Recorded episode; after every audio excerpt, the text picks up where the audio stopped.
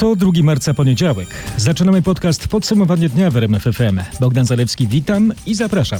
Słowo klucz to koronawirus. Światowe zagrożenie, jak alarmują medycy i ekonomiści, czy globalna blaga, jak publicznie twierdzą bardzo nieliczni. Sejmowa Komisja Zdrowia ponad politycznymi podziałami wprowadziła zmiany do rządowej ustawy w sprawie koronawirusa. Rząd zgodził się na kilka poprawek opozycji, dlatego Koalicja Obywatelska i Lewica wycofały własne projekty ustaw.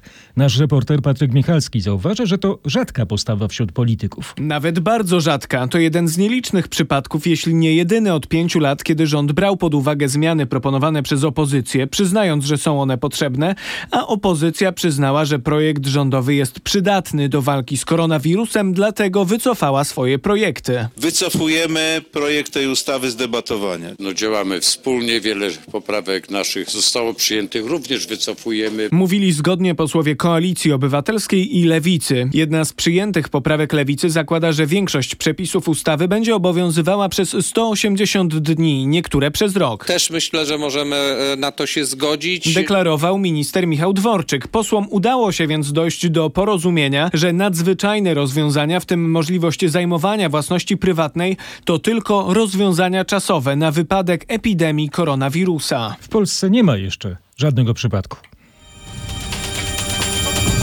Nie mamy w naszym kraju żadnego potwierdzonego przypadku infekcji. 121 osób jest hospitalizowanych, a ponad 230 poddano kwarantannie domowej.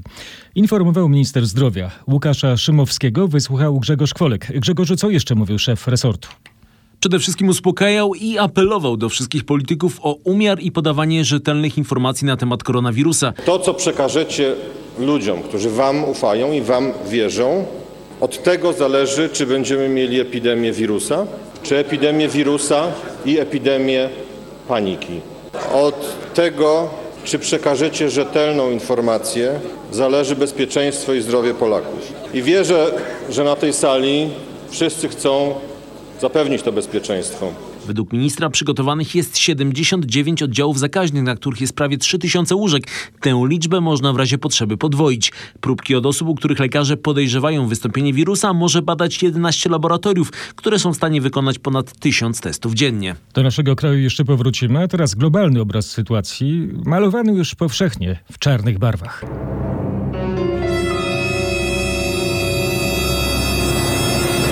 Od poniedziałku odnotowano ponad 89 tysięcy przypadków na całym świecie. Poza Chinami koronawirus rozprzestrzenił się na 66 krajów. Globalnie choroba zabiła ponad 3 tysiące osób. Chińskie miasto Wuhan zamknęło pierwszy z 16 specjalnie wybudowanych szpitali po zwolnieniu ostatnich wyleczonych pacjentów. W prowincji Hubei liczba zakażonych gwałtownie spada. Światowa Organizacja Zdrowia podała, że w ciągu ostatniej doby liczba zakażonych poza Chinami jest prawie 9 razy wyższa niż w państwie środka. Niemal co godzinę agencje informują o nowych zarażonych. W Unii Europejskiej zanotowano około 2100 przypadków zakażenia koronawirusem. Potwierdzono je w 18 z 27 państw wspólnoty. Zmarło 38 obywateli unijnych krajów.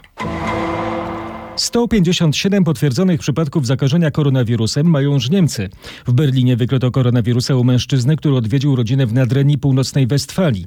To tam znajduje się największe w Niemczech źródło zachorowań. Aneta Łuczkowska opisze, jak bardzo groźna jest tam sytuacja. Na tyle poważna, że Berliński Instytut Roberta Kocha zdecydował o podniesieniu ryzyka epidemiologicznego do poziomu umiarkowanego. Wcześniej było szacowane jako niskie. Niemcom także udziela się związana z koronawirusem panika. Nieznani sprawcy ukradli z magazynu klinik w Minsterze i Duisburgu zapas środków dezynfekcyjnych. Te w internecie potrafią teraz kosztować i 80 euro za butelkę. Ze szpitala pod Bremą skradziono natomiast paczki z maseczkami ochronnymi. Z kolei piłkarski klub z Lipska przeprasza turystów z Japonii, których w obawie przed koronawirusem ochrona wyrzuciła ze stadionu. To wieści z Berlina, a teraz Londyn. Gwałtownie rośnie liczba przypadków koronawirusa w Wielkiej Brytanii, przyznaje premier Boris Johnson, ale uspokaja, jesteśmy przygotowani. W Zjednoczonym Królestwie do tej pory potwierdzono 40 nowych zakażonych.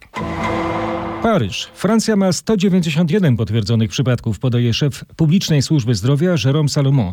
W niedzielę było ich 130, trzy osoby zmarły. W związku z rozprzestrzenianiem się choroby COVID-19 francuskie szpitale będą zatrzymywać jedynie ciężkie przypadki. Rzym. Agencja Ochrony Ludności podała, że liczba potwierdzonych przypadków we Włoszech skoczyła z 1694 w niedzielę do 2036 w poniedziałek. 52 osoby zmarły. Około 50 tysięcy ludzi żyje w 11 miastach poddanych kwarantannie. Jednym z nich jest Marcio Toniolo, 35-letni nauczyciel, który używa swojego telefonu komórkowego do wysyłania filmików z życia w czerwonej strefie. W nocy grupy ludzi spotykają się, aby wspólnie zjeść posiłek na wolnym powietrzu lub na przystanku autobusowym. Każdy przynosi ser, chleb lub wino. Organizowane są ad hoc imprezy uliczne bez masek. Międzynarodowy Fundusz Walutowy i Bank Światowy oświadczyły, że są gotowe pomóc zwłaszcza biednym krajom z najsłabiej działającą służbą zdrowia. Współpraca międzynarodowa jest niezbędna do rozwiązania problemu zdrowotnego oraz pokonania ekonomicznych skutków koronawirusa. Czytamy we wspólnym oświadczeniu obu instytucji. Plaga koronawirusa pogrążyła globalną gospodarkę w porównywalny sposób jak przed dekadą. W związku z grożącym światu kryzysem finansowym, podobnym do tego z 2008 roku, Organizacja Współpracy Gospodarczej i Rozwoju wezwała w poniedziałek rządy i banki centralne, aby nie dopuściły do bardziej gwałtownych spadków. Ministrowie finansów siedmiu największych gospodarek świata, G7, mają we wtorek debatować nad tym, jak radzić sobie ze skutkami gospodarczymi szalejącego koronawirusa. MFW podał, że ma szereg instrumentów, m.in. specjalną linię kredytową.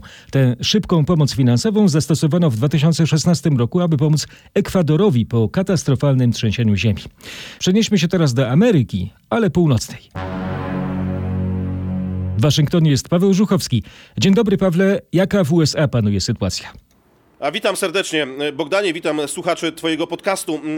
Dwie osoby zmarły w Stanach Zjednoczonych. To są informacje z weekendu. W weekend poinformowano o śmierci dwóch mężczyzn ze stanu Waszyngton. To osoby, które także cierpiały na inne choroby i w momencie, kiedy stwierdzono koronawirusa u nich, no, to były osoby w grupie dużego ryzyka. Obawiano się, że ci mężczyźni niestety nie przeżyją tego, mieli problemy z oddychaniem. Prezydent Donald Trump zapewnia, mimo tych wszystkich złych informacji, które napływają, bo e, wiadomo, że w Stanach Zjednoczonych stwierdzono już ponad 80 przypadków, a tylko w Kalifornii e, prawie 9 tysięcy osób znajduje się pod obserwacją służb, e, bo może być tak, że są to osoby zarażone. Mm, prezydent Trump uspokaja, mówi, że służby czuwają. A jak reagują Amerykanie, z którymi rozmawiałeś? E, Paniki oczywiście nie ma, ale obawy są i to najczęściej można usłyszeć od Amerykanów. Tak jak i w innych miejscach na świecie i w Stanach Zjednoczonych brakuje w sklepach masek, jednorazowych rękawiczek, trudno też kupić płyn do mycia rąk, taki antybakteryjny. Wszyscy mówią o koronawirusie, który przywędrował z Chin. Wszyscy się boją, ja też jestem przerażona. Nawet jak idę do sklepu, nie staję blisko ludzi, mówi ta kobieta. W Stanach Zjednoczonych w sklepach nie brakuje mm, jedzenia, mm, natomiast jak się popatrzy na półki, to widać gołym okiem, że więcej schodzi makaronu, ryżu, mm, puszek z jedzeniem.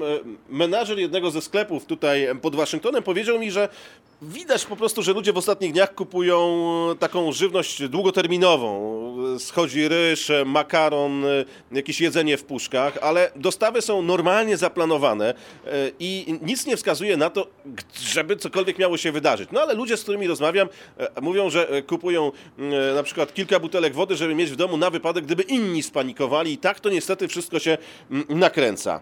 I saw on their uh, Facebook. Widziałam na Facebooku, w wiadomościach, obawiam się. No, jak słychać, wszyscy mniej więcej tak samo myślą i to wszystko się bardzo mocno nakręca. No ale ty w swoim podcaście lejesz zimną wodę na rozgrzane głowy. Tak, podcast o koronawirusie, o tej panice, ale przede wszystkim podcast, którym zachęcam do tego, aby nie panikować. Jeżeli macie ochotę, najnowszy odcinek podcastu Ameryka z bliska, to właśnie podcast, w którym opowiadam o tym, że należy zachować zdrowy rozsądek w tym wszystkim i nie panikować, bo jeżeli zaczniemy panikować, to naprawdę nie tylko Stany Zjednoczone, ale świat będzie miał ogromny problem. Don't panic. Bardzo dziękujemy. Wracamy do kraju. Sprawdźmy tak na chłodno, jak wyglądają badania na obecność koronawirusa. Próbki sprawdzane są m.in. w laboratorium Wojewódzkiej Stacji Sanitarno-Epidemiologicznej w Olsztynie. Nasz reporter Piotr Łakowski pytał, jak długo trwa takie badanie. Identyfikacja, czy w materiale biologicznym znajduje się koronawirus, trwa 5 godzin. Olsztyńskie Laboratorium Diagnostyki Molekularnej może wykonać 40-50 takich badań dziennie.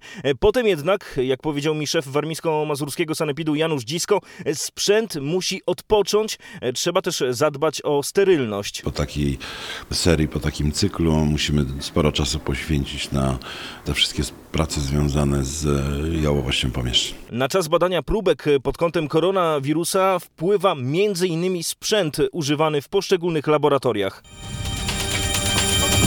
Izba przyjęć oddziału zakaźnego Szczecińskiego Szpitala Wojewódzkiego jest obecnie zarezerwowana dla pacjentów, którzy mogą być zakażeni koronawirusem. Jak mówi profesor Miłosz Parczewski, szef Kliniki Chorób Zakaźnych Pomorskiego Uniwersytetu Medycznego, lecznica jest przygotowana na przyjęcie nawet setki osób, u których infekcja miałaby ciężki przebieg. Codziennie zgłasza się nawet 10 osób, które podejrzewają u siebie koronawirusa, a szpital wdrożył odpowiednie procedury. Jeżeli trafia do nas pacjent, który był w regionie tych częstych zachorowań i ma gorączkę, na przykład, to my wtedy go przyjmujemy na izbę. Taki pacjent jest ubrany w stosowny strój, jest ubrany w maskę, siedzi w izolatce, lekarz bada pacjenta, wysyła badania na pierwsze patogeny, grypę, to mamy w ciągu 2 do 4 godzin te wyniki i wtedy podejmujemy decyzję, co dalej. Jeżeli pacjent jest ciężki lub średni i wymaga hospitalizacji, jest zatrzymywany. Jeżeli jest to przypadek łagodny, to idzie do domu do dalszej obserwacji do 14 dni od ostatniego możliwego kontaktu. Pacjenci z lekkimi objawami chorobowymi lub tacy, którzy objawów w ogóle nie mają, ale byli w rejonie zachorowań, powinni obserwować swój stan zdrowia w domu, no i ewentualnie skonsultować się z sanepidem. A teraz wybierzemy się do szpitala, ale w innym celu. Bo mamy koniec sporu dotyczącego podwyżek w szpitalu wojewódzkim w Rybniku. Podpisano porozumienie w tej sprawie. Pracownicy mogą teraz liczyć na kilkuset złotowe podwyżki. Ostatnia tura rozmów odbyła się w Śląskim Urzędzie Wojewódzkim w Katowicach. Te podwyżki będą wypłacone albo wypłacane kiedy? One będą e, podwyżki dla pielęgniarek począwszy od miesiąca lutego, natomiast podwyżki dla pozostałych e, części załogi będzie płacona począwszy od pierwszego, w, w dwóch ratach. Jakby pierwsza część podwyżki będzie od 1 marca, a druga od 1 lipca. A ile szpital musi na to przeznaczyć? No ponad 2,5 miliona złotych. Z rzecznikiem szpitala Michałem Sieroniem rozmawiał w Katowicach nasz reporter Marcin Buczek. To jest podcast Podsumowanie dnia w RMFFM, a spotykamy się 2 marca w poniedziałek. No i kolejne ważne wydarzenie. Trwa procedura ekstradycyjna w sprawie zatrzymanej na Słowacji Magdaleny K. Kobieta była poszukiwana listem gończym i europejskim nakazem aresztowania. Jest podejrzana o kierowanie zorganizowaną grupą przestępczą związaną ze środowiskiem krakowskich pseudokibiców. Mówi Sebastian Gleń z Małopolskiej Policji. Została zatrzymana i w tej chwili przebywa w areszcie na Słowacji. Słowacja ma teraz 60 dni na wydanie decyzji, czy podda ją ekstradycji. Grupa przestępcza, w której znajdowała się Magdalena K., zajmowała się obrotami narkotykami na szeroką skalę. Magdalena K. podejrzana jest o to, że kierowała tą grupą przestępczą. Kobietę zatrzymały słowackie i węgierskie służby. Unia Europejska mobilizuje się w obliczu kryzysu migracyjnego. Przy granicy grecko-tureckiej rośnie lawinowo liczba migrantów, odkąd Turcja ogłosiła, że nie będzie zatrzymywać ich na swoim terytorium. W środę odbędzie się nadzwyczajne posiedzenie unijnych ministrów spraw wewnętrznych, w piątek ministrów spraw zagranicznych, a we wtorek jadą do Grecji szefowie unijnych instytucji. Katarzyny Szymańskiej-Borgyną zapytamy teraz, czy Unia ma konkretny plan. Z moich rozmów z dyplomatami wynika, że raczej w Unii nie będzie zgody na przyjęcie tych uchodźców, bo byłoby to przyznanie racji Ankarze i byłoby na rękę Rosji. Ze względów strategicznych jest to niemożliwe, usłyszałam. Nieoficjalnie mówi się w Brukseli o konieczności podjęcia rozmów z prezydentem Turcji Erdoganem. Oczywiście, że szantażuje on Europę, przyznaje mój rozmówca, ale jest on także kluczem do rozwiązania sytuacji. Niektórzy z moich rozmówców sądzą, że sprawę mogą załatwić kolejne miliardy euro dla Turcji. Inni uważają, że tym razem to nie wystarczy. Ankarze chodzi o poparcie polityczne, a nawet wojskowe w Syrii, a o to będzie bardzo trudno. Turecki prezydent zapewnia, że jego armia w Syrii nie atakowała sił rosyjskich ani irańskich i nie zamierza tego robić. Kryzys w syryjskiej prowincji Idlib zaostrza się. Turecka armia walczy z rządowymi wojskami syryjskimi, Rosja je popiera i zwalcza rebeliantów, którym pomocy z kolei udziela Ankara. W czwartek Recep Tayyip Erdoğan, turecki prezydent, jedzie do Władimira Putina. Przemysław Marzec wyjaśni, kto ma w tej rozgrywce mocniejsze karty w ręku. Zdecydowanie to Rosja narzuca zasady gry. Turecki prezydent jest pokłócony z Iranem, Rosją, Syrią, Egiptem, a nawet z NATO, uważa ekspert Jewgeni Satanowski i dodaje. Jest zależny od rosyjskiego gazu i to Rosja buduje w Turcji elektrownię atomową. Станцию в Турции договорились мы строить Porozumienie zakłada, że budujemy elektrownie za nasze pieniądze. Nie ma na świecie innego kraju, który by się zgodził budować atomową elektrownię na takich zasadach. Nie ma takich kontraktów. Takich kontraktów. Dlatego mimo antyrosyjskiej propagandy w tureckich mediach, Erdogan pielgrzymuje do Putina. Nie zamierzamy z nikim wojować, zapewnia Władimir Putin i dodaje, że Rosja osiągnęła tak dużą siłę w sferze obrony, by nikomu nie przyszło do głowy z nią walczyć. To kolejny fragment wywiadu, którego Putin udzielił agencji TASS. Co tydzień prezentowana jest odpowiedź rosyjskiego prezydenta na jedno pytanie. Wytworzyła się unikatowa sytuacja. Czegoś takiego nie było nigdy we współczesnej historii Rosji. Zawsze, jeżeli chodzi o broń strategiczną, doganialiśmy naszych konkurentów. Bombę atomową najpierw zbudowali Amerykanie. Rakiety oni zbudowali, my doganialiśmy ich, a teraz po raz pierwszy skonstruowaliśmy taką strategiczną uderzeniową broń, jakiej nie ma nikt na świecie. No i to oni nas doganają. Według rosyjskiego prezydenta już 70% wyposażenia rosyjskiej armii to współczesny, nowoczesny sprzęt. Co najmniej do maja na dnie kanału Świny w Świnoujściu będzie leżeć gigantyczny niewybuch. Mowa o ważącej ponad 5 ton bombie z II wojny światowej. Tak zwany Tallboy został odkryty we wrześniu ubiegłego roku. Aneta Łuczkowska wyjaśnia, dlaczego nadal nie można go usunąć. Najpierw saperzy myśleli nad techniką neutralizacji bomby, teraz muszą poczekać, aż pracę w jej rejonie zakończy Urząd Morski. Zanim przyjdzie czas na Tolboja, trzeba dokończyć rozminowywanie terenu w jego okolicy. Sam niewybuch nie będzie wyciągany z dna, bo jest na to zbyt ciężki. To, przypomnę, ponad 5 ton. Zostanie poddany deflagracji, czyli powolnemu, kontrolowanemu spaleniu. Dzięki temu będzie można uniknąć ewakuacji całego Świnoujścia. Przygotowanie do zdalnego spalenia ładunku zajmie kilka dni. Tolboj leży na głębokości 12 metrów i jest częściowo zakopany w dno. A teraz o fajerwerkach przedwyborczych. Budowa tanich mieszkań na wynajem to jeden z kampanijnych pomysłów Szymona Hołowni. A jak się to ma do innych jego deklaracji? Kandydaci nie powinni obiecywać rzeczy, które nie leżą w kompetencji prezydenta, zarzuca często niezależny kandydat konkurentom i o tę właśnie sprzeczność dopytywał Marcin Zaborski Michała Kobosko, pełnomocnika Komitetu Wyborczego. Czy kandydat Hołownia nie wchodzi przypadkiem w rolę rządu, e, kiedy mówi o budowie tanich mieszkań na wynajem? Kandydat Hołownia ma kilka punktów filarów swojego programu. Jednym z, jeden z tych filarów dotyczy walki z wykluczeniami, walki o solidarność społeczną. Jednym z gigantycznych problemów dotyczących wykluczeń w Polsce jest to, że brakuje kilku milionów mieszkań. I czy brakuje... prezydent Hołownia będzie mógł te mieszkania zbudować? Nie, oczywiście, no mówmy poważnie. Prezydent Hołownia nie Poważnie? będzie budować mieszkań. Prezydent Hołownia w ramach kompetencji prezydenta może ten temat nagłaśniać, promować, zachęcać ugrupowania polityczne, żeby się tym tematem zajęły poważniej niż do tej pory, bo jak wiemy, rządowy program zakończył się niczym. Nikogo nie wykluczamy, wszystkich zapraszamy do zapoznania się z rozmową Marcina Zaborskiego na rmf24.pl. Zachęcamy. Kiedy stoimy w korku i rozejrzymy się dookoła, niemal każdy kierowca patrzy w telefon. Mówią organizatorzy akcji Patrz na drogę. To grupa studentów z Poznania, którzy walczą o poprawę bezpieczeństwa na naszych trasach. W mediach społecznościowych rozpoczęli właśnie akcję informacyjną na ten temat. Chcą mówić o tym, jak niebezpieczne może być odwrócenie naszej uwagi od prowadzenia auta.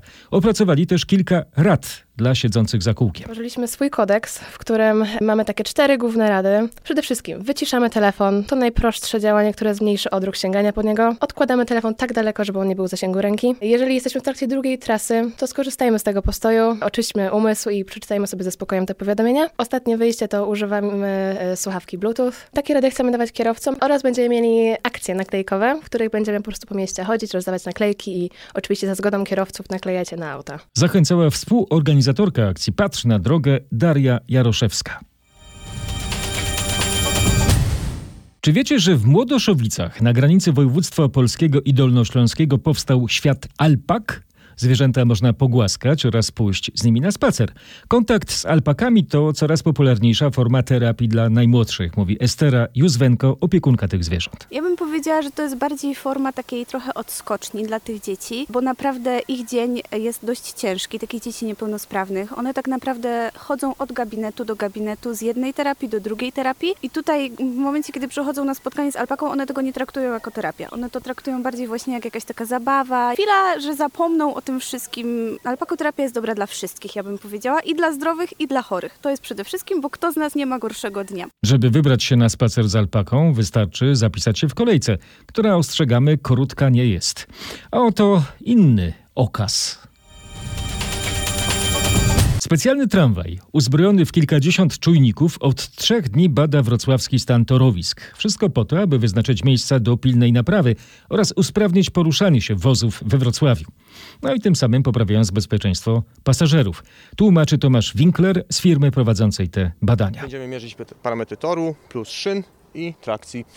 Będziemy mierzyć w rzeczywistych warunkach, jakie występują w czasie eksploatacji tego tramwaju we Wrocławiu. Pod spodem mamy e, lasery, które mierzą profile szyn, żyroskopy, którymi mierzymy parametry geometryczne toru. System postarzony jest o wiele kamer, plus system do pomiaru trakcji, czyli tam są takie też czujniki laserowe, czujniki uderzeń, przy- przyrządy do pomiaru wysokości zawieszenia- przewodu. Koszt analizy to prawie 400 tysięcy złotych, a do skontrolowania jest prawie 200 kilometrów torowisk we Wrocławiu.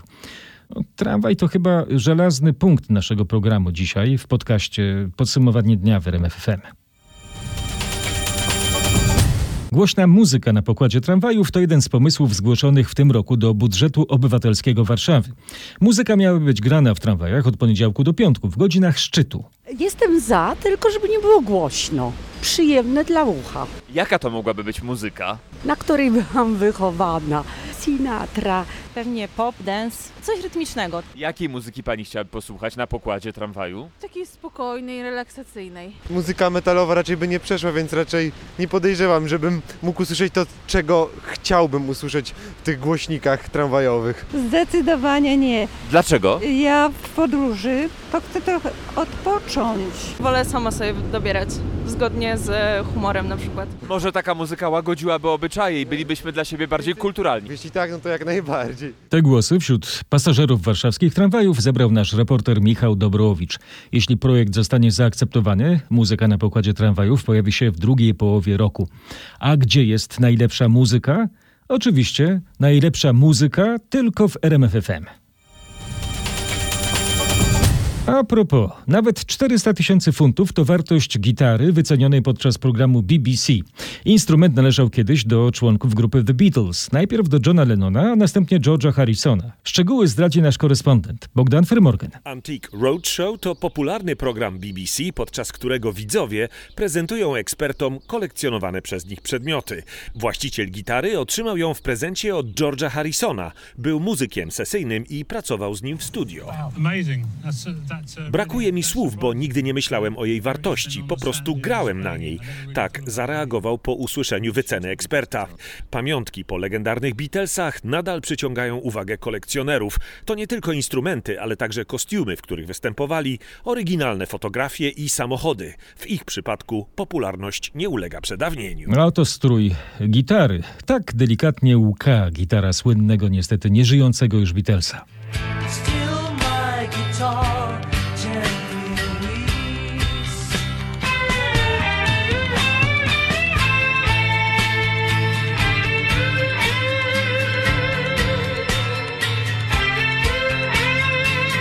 Piękne, tęskne brzmienia.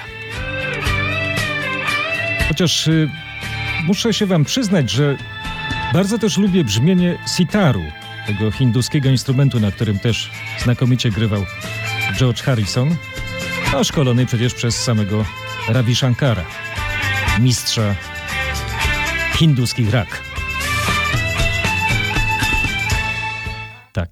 A teraz inne wydarzenie kulturalne. W Los Angeles odbyła się światowa premiera filmu The Way Back. Ben Affleck gra w nim byłego gwiazdora koszykówki, mężczyznę po przejściach. Ponoć. Przynajmniej tak informuje nas Katarzyna Sobiechowska-Szukta z redakcji kulturalnej RMFFM. Aktor przyznaje, że jest tam wiele wątków autobiograficznych, Kasiu. Podobnie jak grany przez niego bohater, też stracił rodzinę z powodu nadużywania alkoholu. Do tego Ben Affleck, e, jak przyznał, od lat walczy z depresją i był uzależniony również od hazardu. A to, że świat poznał jego tajemnice, pomogło, jak mówi, nie tylko jemu. Miałem świetne życie, a że jestem szczęściarzem, udało mi się pokonać różne przeciwności. Fakt, że publicznie przyznałem się do alkoholizmu, nie napawa mnie już strachem. Raczej zyskałem siłę. A podchodzą do mnie teraz znajomi, czasem zwykli ludzie i mówią: Hej, twoje wyznanie dodało mi odwagi, pomogło mi. Tak mówi aktor na premierze filmu w Los Angeles. Niedawno w programie Good Morning America Ben Affleck ujawnił, że na depresję choruje od 26 lat i że stosuje różne leki antydepresyjne, które bardzo mu pomagają. W filmie The Way Back Ben Affleck gra Jacka Cunninghama, byłą gwiazdę koszykówki, która dostaje drugą szansę od losu, od życia, od opatrzności, jak kto woli, i zostaje trenerem w swoim dawnym liceum. Ten film 6 marca, w najbliższy piątek, trafi do kin w USA, a Ben Affleck nie tylko zagrał w nim główną rolę, również jest producentem tego filmu. Zostańmy, zostańmy jeszcze na chwilę w Los Angeles, bo trwają tam zdjęcia do filmu King Richard. To będzie kinowa biografia ojca słynnych tenisistek, czyli sióstr Williams, Richarda Williamsa, zagra gwiazda Hollywood, Sam Will Smith. Do obsady, jak podaje The Hollywood Reporter, dołączył właśnie Liev Schreiber. Ten obraz reżyseruje Reynaldo Marcus Green, to jest twórca m.in. filmu Monster and Man, czy serialu Top Boy. Will Smith, jak wspomniałam, grać będzie Richarda Williamsa, czyli ojca Venus i Sereny, a w te słynne tenisistki wcielą się młode aktorki, Sania Sidney i Demi Singleton. Liev Schreiber, o którym też wspominałam, będzie, jak pisze Hollywood Reporter, grał znanego instruktora, znanego trenera Paula Coena. On na kortach pracował z takimi gwiazdami jak John McEnroe czy Pete Sampras. Autorem scenariusza tego filmu jest Zach Bailin, który chciałby pokazać, jak mówi, determinację i hard ducha Williamsa. On wyszkolił na gwiazdy tenisa swoje dwie córki, Zaczynali od bardzo skromnych kortów w Campton w Kalifornii, a skończyli na zwycięstwach w Wielkim Szlemie. Obie córki są wielkimi gwiazdami sportu, międzynarodowymi gwiazdami, ikonami tenisa, to na pewno. Will Smith jest również wspólnie ze swoją żoną Jadą producentem tego filmu, nie tylko gra główną rolę. Obraz King Richard, który można tłumaczyć jako Król Ryszard, powstaje dla Warner Bros., a wytwórnia zaplanowała jego premierę na 25 dzień listopada tego roku. Korci mnie, żeby tu dopisać jakiś filmowy scenariusz. To będzie propozycja dla tych, którzy są fanami obu części filmu Blade Runner, którzy marzą o elektrycznych owcach. Absolwenci Uniwersytetu Łódzkiego będą mogli zostać pasterzami robotów. Uczelnia od 1 października uruchamia kierunek automatyzacja procesów biznesowych. To praca ze sztuczną inteligencją w technologiach. Ten zawód polegałby na czuwaniu nad pracą automatów i doskonaleniu ich umiejętności. Tacy specjaliści na rynku pracy będą coraz bardziej potrzebni, zwraca uwagę profesor Antoni Różalski, rektor Uniwersytetu Łódzkiego. Z jednej strony nie uciekniemy od tego procesu automatyzacji, robotyzacji, ale myślę, że mam taką nadzieję, że nigdy nie będzie tak, że taki robot czy automat będzie w stanie człowieka zastąpić, więc trzeba tutaj znaleźć takich ludzi, którzy będą potrafili w sposób no, taki twórczy e, e, łączyć te dwie rzeczy. A mnie intryguje, czy jeśli to będą pasterze maszyn, to czy będą to same wypasione maszyny? O, są wiedzą karmione, dosyta. Mam nadzieję, że i wy jesteście nasyceni, przynajmniej y, informacjami o koronawirusie. No a już tak na koniec może, to chciałbym, żeby rację miał poranny gość Roberta Mazurka. Kiedyś polityk, teraz ekspert do spraw marketingu. Adam Hoffman przybył do studia w bardzo gustownej maseczce. Dzień dobry panu. Nie no, proszę jednak cokolwiek powiedzieć. Cokolwiek to powiem. O, to proszę Państwa, te Ale przybyłem- szumy to było Adam Hoffman zdejmujący maseczkę, czyli jednak przekonał się, że nie zaraża. Nie, nie, ja przyniosłem dlatego, że jestem zszokowany tym, co się dzieje i ogólnie e, mam dobrą zabawę. Na granicy z, e, wypisuję się z gatunku ludzkiego. Aż tak? Aż tak. Gatunek ludzki ma to do siebie, że nie wszyscy mówią jednym głosem na szczęście, że nie każdy y, chce śpiewać w chórze. Nawet jeśli ten głos to fałszywy ton, to warto i tego głosu posłuchać. Tak myślę. Bogdan Zalewski, bardzo dziękuję za uwagę. To było podsumowanie dnia w RMFFM.